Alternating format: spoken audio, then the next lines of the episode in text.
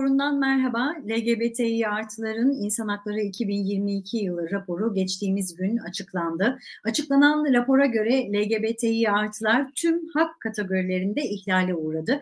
Özellikle ifade ve toplum, toplanma özgürlüğü en çok ihlalin yaşandığı alanlar kategoriler oldu. KSGL Hukuk Koordinatörü ve aynı zamanda bu raporu hazırlayan avukat Kerem Dikmen ile birlikte olacağız ve LGBTİ artıların 2022 yılında uğradığı hak ihlallerini değerlendireceğiz. Kerem Bey merhaba, hoş geldiniz yayınımıza. Hoş bulduk, teşekkür ederim davet için. Biz teşekkür ediyoruz Kerem Bey yayınımıza katıldığınız için. Şimdi Kerem Bey rapor bize aslında 2022 yılında LGBTİ artıların e, başta da belirttim zaten tüm alanlarda hak ihlaline uğradığını söylüyor ama özellikle öne çıkan başlıklar neler? Ben tekrar sormak istiyorum. En çok hangi alanlarda, hangi başlıklarda e, hak ihlali öne çıkıyor? Evet. Ee, şimdi zaten belirttiğiniz gibi raporda bunu ayrıntılı olarak paylaştık. LGBT artılar Türkiye'nin insan hakları e, siciline yansıtıyor LGBT artılara dönük hak ihlalleri. En yoğun hak ihlali ifade özgürlüğü alanında gerçekleşti. E, LGBT artıların bütün ifade araçları ya da kişilerin LGBT artı temalı bütün ifadeleri, bütün ifade araçları, akademik ifadeler, siyasi ifadeler, edebi ifadeler, e, gündelik hayata dahil kültürel ifadeler ya da işte toplanma ve gösteri yürüyüşü gibi hak kullanımları sırasındaki ifadeler e, bütün araçlarla e, engellendi ve biz LGBT artıları dönük en büyük hak ihlallerinin ifade özgürlüğü alanında yoğunlaştığını gördük ifade özgürlüğüne hemen belirteyim. E, toplanma e, hakkı ihlallerinde biz ifade özgürlüğü kapsamı altında değerlendirebiliriz. Her ne kadar ayrı haklar olarak tanımlanmışsa da. E, ifade özgürlüğü ihlallerinde yöntem olarak en fazla tercih edilen şey ya da uygulanan ihlal biçimi gözaltılar oldu. Bu da onur yürüyüşleri gibi e, açık alan etkinliklerine katılan LGBT artıların e, gözaltına alınması şeklinde gerçekleşti. Bu bizi otomatik olarak e, kişi özgürlüğü hakkı ihlallerine de götürdü. Çünkü e, kişiler herhangi bir kanuni gerekçe olmaksızın ya da ölçüsüz olarak özgürlüklerinden alıkonulduğunda bu hem Türkiye Cumhuriyeti Anayasası'na göre hem de Türkiye'nin taraf olduğu uluslararası sözleşmelere göre örneğin İnsan Hakları Avrupa Sözleşmesi böyle bir örnek. E, evet. Hak ihlali anlamına geliyor. E, kişi özgürlüğü, e, kişisel bütünlük hakkı ihlali olarak bunu e, kişi özgürlüğü hakkı ihlali olarak raporluyoruz. Dolayısıyla ikinci e, önemde gelen ya da yoğunlukta gelen hak ihlali bunlar. E, ancak şunu söylemek gerekiyor temel bütün hak kategorilerinde LGBT artılar hak ihlaline uğratıldı Türkiye'de. Yani biz herhangi bir e, hak başlığını paranteze alıp LGBT artılar hak ihlaline uğratılmadı gibi bir cümle kuramıyoruz. Şöyle de bir durum var. E, bunlardan bazıları e, tekil olaylarda gerçekleşen hak ihlalleriydi. Örneğin gözaltı doğrudan muhatabın belli olduğu hak ihlali. Dolayısıyla e, nitel, şey, nicel olarak da ölçebiliyorsunuz bunu e, kaç kişinin gözaltına alındığını e, en asgari sınırdan belirleyebiliyorsunuz. Evet. Ama bazı ihlal çeşitleri var ki kaç kişinin etkilendiğini ölçmek mümkün değil. Örneğin e, bugün e, biz bu yayını yaparken mesela Kağıthane Kaymakamlığı da bir e, yasaklama duyurusu çıktı e, ve LGBT artı hak örgütlerinin ismini vererek bu e, şeyi e, çıktı, yasaklama kararını verdi.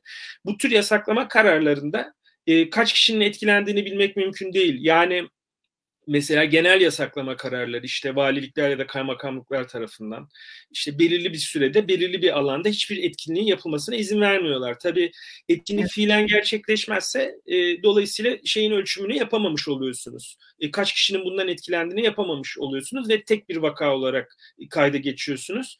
Bunları dahil ettiğinizde e, bu çok daha büyük bir e, ihlal yoğunluğu ortaya çıkıyor. İfade özgürlüğü alanında özellikle. E, dolayısıyla genel seyir bu ama diğer dediğim gibi temel hak başlıklarında sistematik olarak da e, örneğin LGBT artıların istihdama erişimdeki e, sistematik eşitsizlik sistematik hak ihlaline yol açıyor. E, dolayısıyla daha iş yerinin e, kapısından içeri adım atmak çoğu zaman mümkün olmadığı için iş hukukunun eşitliğe ilişkin koruyucu kuralları örneğin LGBT artılar için e, hayata geçemiyor dolayısıyla istihdama erişim sorunu gibi. Evet. Şimdi e, orayı biraz açarız elbette ama onun öncesinde ben e, aslında şimdi rapora da bir yandan tabii bakıyorum. Ben bu arada sunumunuzu yaparken de oradaydım. Sunumunuzu da dinledim. Basın açıklamanızı. Şimdi kamu yöneticileri tarafından kullanılan dil ve işte medyanın kullandığı dil mesela o da raporda yerini almış e, nefret söylemleri ve artan ihlaller arasında da yine sunumda da özellikle altını çizmiştiniz. Bir organik bağ olduğunu belirtiyorsunuz. Dolayısıyla Türkiye'de LGBTİ artılar 2022 yılında özellikle bunu sormak istiyorum. E, kimler tarafından e, nefret söylemlerine maruz bırakıldı? Evet. Şimdi e, bu soruya yanıt vermeden önce hani neden biz bu ifadelerin yani zaten hani e, sizin yayınlarınızı da takip eden hani gazete duvarı da takip eden insanlar zaten bu tür nefret söylemlerinin kimden geldiğini üç aşağı beş yukarı biliyorlar. Ama biz neden bir ifadeye nefret söylemi olarak adlandırıyoruz ve neden nefret söyleminin ifade özgürlüğü korumasından yararlanamayacağını öne sürüyoruz. İzin verirseniz ben önce çok kısa tanıma atıf yapayım. Çünkü bunu e, biz kendi e, kendi başımıza bir tanım yapmışız da bu kişilerin nefret söylemi ürettiğini söylüyor değiliz. Doğrudan Türkiye Cumhuriyeti Anayasa Mahkemesi'nin kararları, e, Türkiye'nin tarafı olduğu Avrupa Konseyi Sözleşme, e, Avrupa Konseyi'nin ürettiği belgeler, ki biliyorsunuz Parlamenterler Asamblesi'nin bir dönem başkanı e, şu anki Dışişleri Bakanımız Sayın Mevlüt Çavuşoğlu'ydu. E, dolayısıyla Türkiye'nin de oldukça angaja olduğu süreçlerden çıkarılarak e, üretilen nefret söylemi tanımları var. İlaveten de İnsan Hakları Avrupa Mahkemesi'nin e, bu konudaki kararlarını e, biliyoruz. Şimdi oralara baktığımızda mesela e, Anayasa Mahkemesi e, doğrudan e, konseyin Avrupa Konseyi'nin Parlamenterler Asamblesi'nin ve Bakanlar Komitesi'nin bu kapsamda e, yaptığı e, tanımlara e, gönderme yapıyor. Diyor ki nefret söyleme e, ırkçı nefreti, yabancı düşmanlığını, antisemitizmi veya azınlıklara, göçmenlere ve göçmen kökenli insanlara yönelik saldırgan milliyetçilik ve etnik merkezcilik, ayrımcılık ve düşmanlıkla ifade edilen hoşgörüsüzlük de dahil olmak üzere hoşgörüsüzlüğe dayalı diğer nefret biçimlerini yayan, tahrik eden, teşvik eden veya haklı gösteren tüm ifade biçimlerini kapsayacak şekilde anlaşılacaktır. Bu Avrupa Konseyi Bakanlar Komitesi'nin tavsiye kararında. E, tabii Anayasa Mahkemesi de ve İnsan Hakları Avrupa Mahkemesi de bu tavsiye kararına uygun bir şekilde e, nefret söylemini tanımlıyor. Örneğin Anayasa Mahkemesi'nin e, yakın zamanda verilmiş bir kararında şöyle e, diyor. Nefret söylemi olarak sınıflandırılabilecek açıklamalar başlığını açtıktan sonra bu kapsamda ten rengi, etnik köken, toplumsal cinsiyet, cinsel kimlik, cinsel yönelim, Anayasa Mahkemesi kararından okuyorum. Engellilik, siyasal aidiyet veya yaş kategorileri ile mülteci, göçmen, yabancı veya başka dezavantajlı gruplara yönelik nefret sayıklı ifadeler de nefret söylemi türlerinden kabul edilir. E, dolayısıyla buradaki temel şey e, ki e, Anayasa Mahkemesi kararlarının e, kararlarında tırnak içerisinde de belirtilir. Hoşgörüsüzlüğe dayalı nefreti yayan, kışkırtan, teşvik eden veya meşrulaştıran her türlü ifade biçimi. Hı hı. Şimdi bu somut olarak nasıl gerçekleşebilir? Örneğin LGBT artı varoluşunu e, aile kurumunun karşısında bir tehdit olarak yerleştirdiğiniz zaman böyle bir ikilik yaratıp e, LGBT artı varoluşunu aile gibi ya da e, işte e, diğer e, var olduğu düşünülen diğer e, Evet. E, diğer e, nasıl söyleyelim e, kutsal ya da kültürel açıdan Türkiye'nin hani sosyal açıdan e, içerdiği şeyleri tehdit olarak koyduğunuzda nefret söylemi üretmiş oluyorsunuz zaten. Şimdi bu çerçeveden baktığımızda biraz uzun yanıt verdiğimin farkındayım ama arka planı da açıklamak durumundayım. Bu çerçeveden evet. baktığımız zaman e, maalesef e, Sayın İçişleri Bakanı, e, Sayın e, Sanayi ve Teknoloji Bakanı'nın biz e, 2022 yılında e, e, nefret söylemi ürettiğini gördük. Keza Sayın Cumhurbaşkanı'nın da e, bazı konuşmaların içerisinde LGBT artılara dönük e, nefret söylemi olarak nitelendirilebilecek açıklamaları e, vardı. E, tabii yani biz e, bu aradaki ilişkiyi tekil vakalar üzerinden kurmuyoruz. Hemen onu e, söyleyelim. Çünkü e, bu saydığım isimlerden ya da diğer kamusal figürlerden gelen nefret söylemi doğrudan şiddeti teşvik eden türden nefret söylemleri değildi. E, yani az önce ismini zikrettiğim kişilerden. Ama nefret söylemi özellikle sembol kişiler tarafından üretildiğinde e, kendi niyetlerinden bağımsız olarak yani biz bunu nefret söylemi olarak şey yapıyoruz, sınıflandırıyoruz ama e, şiddete davet eden nefret söylemi olarak belirlemedik. Böyle bir belirlememiz olmadı. Fakat onların niyet ve iradelerinden bağımsız olarak üçüncü kişiler bundan çıkardıkları anlam e, ve üçüncü kişilerin e, kendileri açısından sembolik değere sahip bu tür kamusal figürlerin açıklamalarından yola çıkarak kendilerine biçtiği görevler ya da kendileri biçtiği misyonlar LGBT artıları dönük e, nefret suçlarını e, kolaylaştırıcı bir motivasyona dönüşüyor.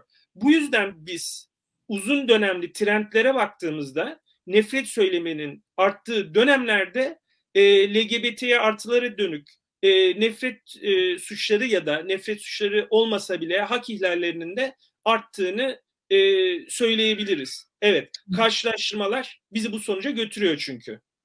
Evet, şimdi e, özellikle zaten sunumda da e, spesifik olarak bu örnekleri vermiştiniz. Yani Cumhurbaşkanı Recep Tayyip Erdoğan'ın sözlerine de Süleyman Soylu'nun aslında sözlerine de yer verilmişti o sunumda.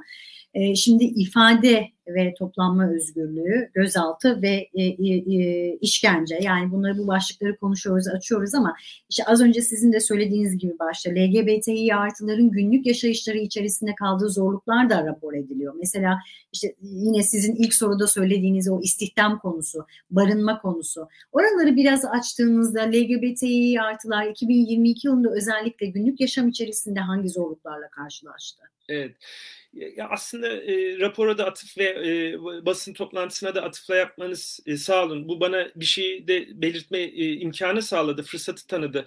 Bizim raporumuz medya izleme temelli bir rapor. Dolayısıyla bizim erişebildiğimiz veriler e, medyanın e, eriştiği veriler. Tabii buradaki basın kuruluşları da e, LGBT artı ve toplumsal cinsiyet temelli basın kuruluşlarının e, yaptığı, sizler gibi gazetecilerin yaptığı e, araştırma ve e, haberlerden yola çıkarak biz büyük ölçüde bu büyük ölçüde bu verilere erişebildik. Dolayısıyla e, toplumsal cinsiyet eşitliğinin ana akımlaşmadığı medya organlarının yaptığı e, şeyler, e, yayınlar bizim e, raporlarımıza daha çok nefret söylemi olarak girdi. Bunu niye belirttim? Bizim özellikle küçük lokasyonlardaki ihlal verisine erişmemiz mümkün değil. O anlamda çektiğimiz fotoğraf e, mutlak olarak Türkiye'nin e, LGBT artı hakları alanındaki fotoğrafını vermiyor. E, fakat sorunuza şu yanıtı vermek istiyorum. E, şimdi e, temel olarak zaten e, hayatın her alanında LGBT artıların eşitsizliğe uğradığını söyledik. Bunların bazıları sistematik e, sebeplerden ileri geldi.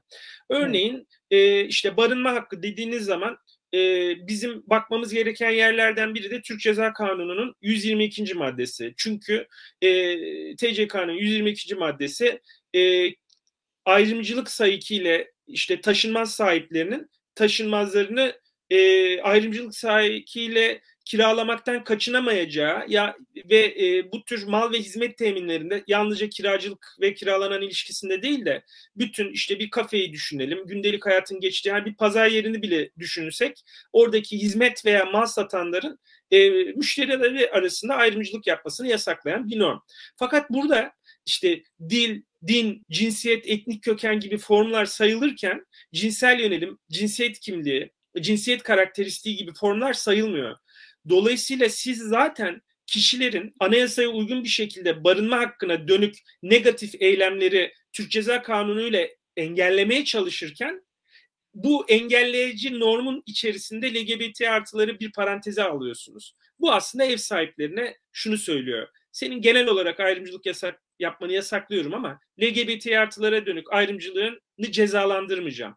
Ya da işte e, kafede, bilmem e, pastanede, postanede, aklınıza gelen her yerde mal veya hizmet satışı, bu bir doktor, bir hekim, bir avukat tarafından yapılan hizmet satışı da söz konusu olabilir. Onlara devlet dönüp diyor ki e, sen kişilerin e, dini, dili, e, etnik kimliği nedeniyle e, mal satmaktan kaçınamazsın, e, hizmet satmaktan kaçınamazsın ama e, cinsel yönelimi nedeniyle bir e, LGBT artıya mal veya hizmet satmaktan kaçınabilirsin. Dolayısıyla Türkiye'deki sistematik yapı LGBT artılar açısından ihlal üreten bir e, durumda. Önleyici normlar yok. Bir başka örnek örneğin özellikle e, özellikle e, suç eylemi olmasa dahi ayrımcılık anlamına gelen bir takım e, tasarruflar olabilir. Üçüncü kişi tasarrufları ya da kamu kurumları ya da özel kişilerin tasarrufları. Mesela Türkiye İnsan Hakları ve Eşitlik Kurumu. E, bu kurum e, ayrımcılıkla ilgili başvuruları e, değerlendirip gerekirse e, idari e, yaptırım, idari para cezası şeklinde yaptırım da uygulayabiliyor. Ama bu kurumun kuruluş kanununda e, cinsel yönelim, cinsiyet kimliği, ayrımcılık formlarında sayılmadığı için e, TİHEK de bunu bir e, fırsat olarak görüp kendisine LGBT artılardan gelen her başvuruyu bakın istisnası yok. Bütün başvuruları kusura bakmayın sizin e, sahip olduğunuz kimlik dışındaki kimlikler eğer bir ayrımcılık konusu eder edilirse ben bununla ilgilenirim ama sizin yaptığınız başvurularla ilgilenmiyorum diyor. Ya da Kamu Denetçiliği Kurumu ki Türkiye Büyük Millet Meclisi'ne bağlı bir kurum. E, onunla çalışıyor. Başkanı e, meclis tarafından seçiliyor. E, Kamu Denetçiliği Kurumu'na sorduğumuzda kaç LGBT artının başvurusuyla ilgili siz e, şey yaptınız diye, e, dosya incelediniz diye. Hayır, böyle bir karar olmadığını görüyoruz. E, bilakis e, maalesef Kamu Denetçiliği Kurumu Başkanı'nın da İstanbul Sözleşmesi'nden ayrılma sürecinde LG, e, cinsel yönelim e, ve toplumsal cinsiyet eşitliği üzerinden e, hatırlarsınız İstanbul Sözleşmesi'nden çıkılmasını destekleyen e, ifadelerde kullanmıştı. E, onun dışında e, kişilerin kamuyla ilişkileri var. E, yani bu işte polisle ilişkiler olabilir, adliyeyle ilişkiler olabilir ya da diğer devlet kurumlarıyla ilişkileri olabilir. Bir de üçüncü kişilerle olan ilişkileri var. İşte sosyal hayatta, e, ticari hayatta, piyasada e, mesela e, kamuyla olan ilişkiler zaten sorunlu. Yani kamudaki e, baskın eğilim LGBT artı varoluşunu yok sayma. E, fakat kamunun doğrudan yönetmediği ama denetleyici pozisyonda olduğu her yerde LGBT artıların ayrımcılığa maruz bırakıldığını görüyoruz. Yine Peki. ifade özgürlüğüyle buyurun. Lütfen son, son notunuzu alayım. E, raporun sonunda bir kısım daha vardı. Onu da soracağım size Kerem Bey. Yani mesela ifade özgürlüğüyle bağ, bağlantılı olarak e, örneğin edebi alanda yapılan bir eseri Küçüklerin Huzur Neşriyat'tan Koruma Kurulu sırf o eserde LGBT artı varoluşuna ilişkin atıflar vardı. Yani atıflardan var bahsediyorum. 18 yaş altı kişilere satılmasını sınırlıyor. Ya da Ticaret Bakanlığı bünyesindeki reklam kurulu. Bu kurulda geçtiğimiz senelerde LGBT artı sembollerini içeren ürünlerin bu ürünler deyince hani e, on, e, bir karşı anlatı içerisinde sadece cinsellik olarak anlatmaya çalışıyorlar LGBT artıları.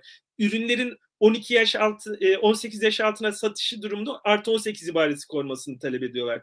Ürün deyince başka şeyler gelmesin akla.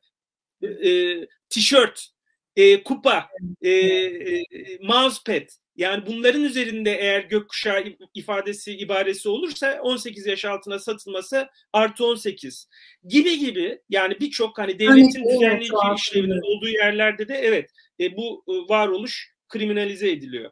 Peki şimdi o raporun e, sonunda bir de tavsiyeler kısmı vardı Kerem Bey. Ben e, onu da sormak istiyorum. Özellikle kime ve hangi kurumlar e, üzerinden tavsiyeler veriliyor?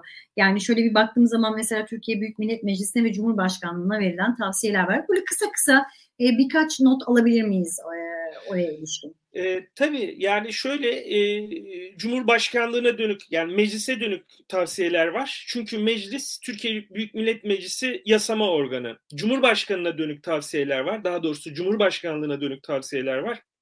Çünkü Cumhurbaşkanı ana ve Cumhurbaşkanlığı sekreteryası anayasaya göre yürütmeyi temsil ediyor. Artı Türkiye'nin uluslararası paydaşları olarak yakın ilişki içerisinde olduğu Avrupa Konseyi ve Avrupa Birliği'ne de tavsiyelerimiz var. E, her şeyden önce e, aslında Cumhurbaşkanlığına e, tavsiyemiz e, Cumhurbaşkanlığına bağlı bakan ve bürokratların nefret söylemi üreten e, üretmesini yaptırma bağlayan kurallar koyması ve aslında bir iklim yaratmasını bekliyoruz e, Cumhurbaşkanlığından. Yani bu iklimde e, nefret söyleminin toplumsal barışı tehdit ettiğini, toplumsal barışı ortadan kaldırdığını e, göz önünde bulunduran ve biz gerçekten e, e, hani birbirimizle konuşmaya, barışmaya ihtiyacı olduğumuz bir toplumdan bahsediliyor. E, kutuplaşmış siyasal iklimde. Eğer toplumsal barış olacaksa nefret söyleminin durdurulması lazım. Bütün yürütmeye bağlı, bütün kamu kurumları yürütmeye bağlı olduğu için, yargı kurumları hariç, yani Cumhurbaşkanlığına bağlı olduğu için Cumhurbaşkanlığı burada çok önemli kilit bir rol oynuyor. İşte İstanbul Sözleşmesi'nden ayrılma kararında da biliyoruz. Bir kere bakanların bütün tasarruflarının Cumhurbaşkanlığının hanesine yazıldığını gözden kaçırmamak lazım. Yani bir ilde eğer bir etkinlik yasaklanıyorsa e, ya da bir karakolda bir kötü muamele iddiası varsa bu İçişleri Bakanlığı dolayısıyla doğrudan Cumhurbaşkanlığı'nın e, engelleyebileceği yani şahsen engellemekten bahsetmiyorum elbette ama ürettiği politikalarla engelleyebileceği bir durum. İkinci olarak tabii ki meclis başkanlığına çünkü yasayı çıkaran meclis Cumhurbaşkanlığı kararnamelerinden ayrı olarak Türkiye e, Büyük Millet Meclisi yasa da çıkartıyor. Bizim anayasamız e, 10. maddesi ki eleştiriyoruz, eksik buluyoruz ama bu eksik yapısına rağmen e, kişilerin kanun önünde eşit olması ilkesini e, belirtiyor. Fakat az önce TİEK örneğini verdim mesela Türkiye İnsan Hakları ve Eşitlik Kurumu'nun e, kanunu, kuruluş kanununda biz e, LGBT artıları dışta bırakacak bir takım ekleme ve çıkarmaları görüyoruz. Meclise çağrımız şu lütfen Türkiye Cumhuriyeti kanunlarını Türkiye Cumhuriyeti Anayasası'nın en azından mevcut haline uygun hale getirin. Evet. E, bu bile e, çok büyük problemleri e, hani sistematik olarak çözmese bile bir ölçüde sorunları azaltabilir. E, ve uluslararası partnerleri de temel çağrımız şu, lütfen insan haklarını jeopolitiğin bir unsuru olarak ere almayın.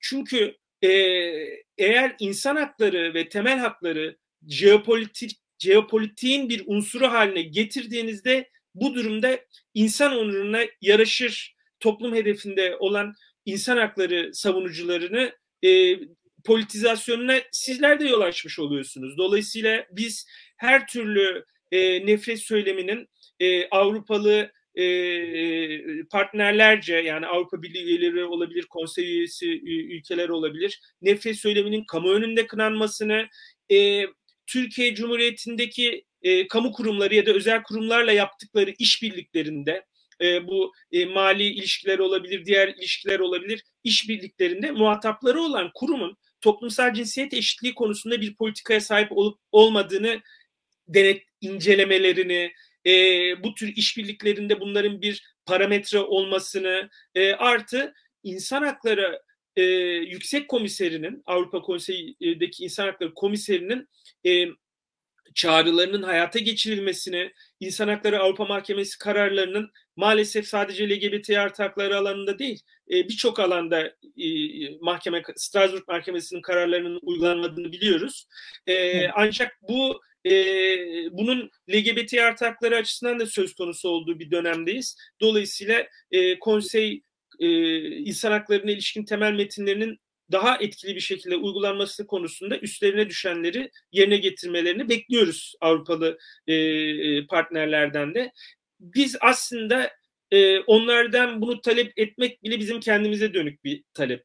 Çünkü Türkiye Cumhuriyeti e, Avrupa Konseyi sözleşmelerine kendi anayasal anayasal hedefleri uyarınca e, şey yaptı, dahil oldu. Kurucu devlet oldu. Dolayısıyla bizim aslında uluslararası yükümlülüklerimizi yerine getirmemiz, devletin daha doğrusu uluslararası yükümlülükleri yerine getirmesi, yurttaşına verdiği sözü de tutması anlamına geliyor. Çünkü anayasanın 92 90. maddesine göre usulüne uygun bir şekilde yürürlüğe konulmuş uluslararası sözleşmeler bizim iç hukukumuzun bir parçası. Bu anlamda e, yargıya da tabii tavsiyede bulunmamız söz konusu değil. E, en azından e, kurallar bazında hani bağımsız bir yargı olmasını burada vurgulamak lazım. Ama onlara da e, Türkiye'nin taraf olduğu BM sözleşmelerinin e, ve diğer uluslararası sözleşmelerin insan haklarına ilişkin olan kısmının iç hukukunun bir parçası olduğunu hatırlatmamız gerekiyor. Vaktimiz tabii e, çok daraldı. O yüzden kısaca bir şey daha soracağım. Yani sadece 2022 yılı için değil tabii. Bu raporlar her yıl için yazılıyor. Uzun zamanlar yazılıyor ve kamu yetkililerine bilmiyorum gönderiyor musunuz? Bir tekrar sormuş olayım buradan. Geri dönüş alıyor musunuz? Ya da kimler dikkate alıyor bu raporu? Çok kısa bir e, yorum rica edeceğim o noktada. Biz kamuyla paylaşıyoruz. E, sistematik bir paylaşımımız mümk, e, söz konusu değil. Zaman zaman e, TİEK üzerinden yani her şey TİEK üzerinden bu tür geri bildirimler soruluyor. E, biz bu tür geri bildirim olduğunda insan hakları raporumuzu ilgili kurumlara e, sunuyoruz. Zaten devlet kurumlarının da haberdar olduğunu e, biliyoruz bu e, rapor raporlardan. E, ama dönemsel olarak e, maalesef böyle bir iletim hattımız yok. E, zaten e, yani kamusal belgeler, insan hakları raporlarımız, e, böyle bir iletim hattımız, böyle bir e, lobi kanalımız yok. Ama e, bildiklerini biliyoruz. Neden biliyoruz? E, çok kısa onu da söyleyeyim.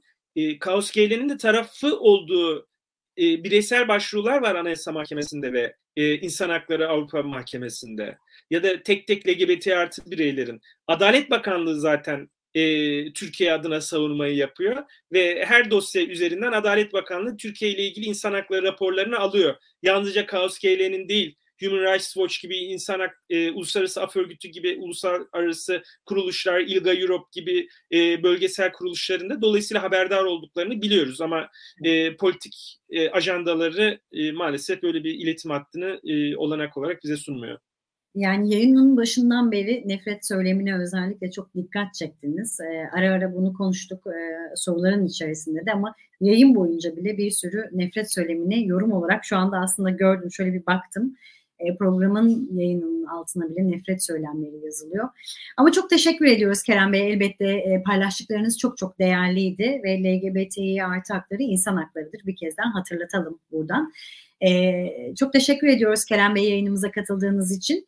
Ben e, Kaos, Kaos GL Hukuk Koordinatörü ve aynı zamanda LGBTİ artıların e, İnsan Hakları 2022 e, yılı raporunu hazırlayan Avukat Kerem Dikmen'le 2022 yılında LGBTİ artıların karşılaştığı hak ihlallerini konuştuk. Görüşmek dileğiyle, hoşçakalın. İyi günler.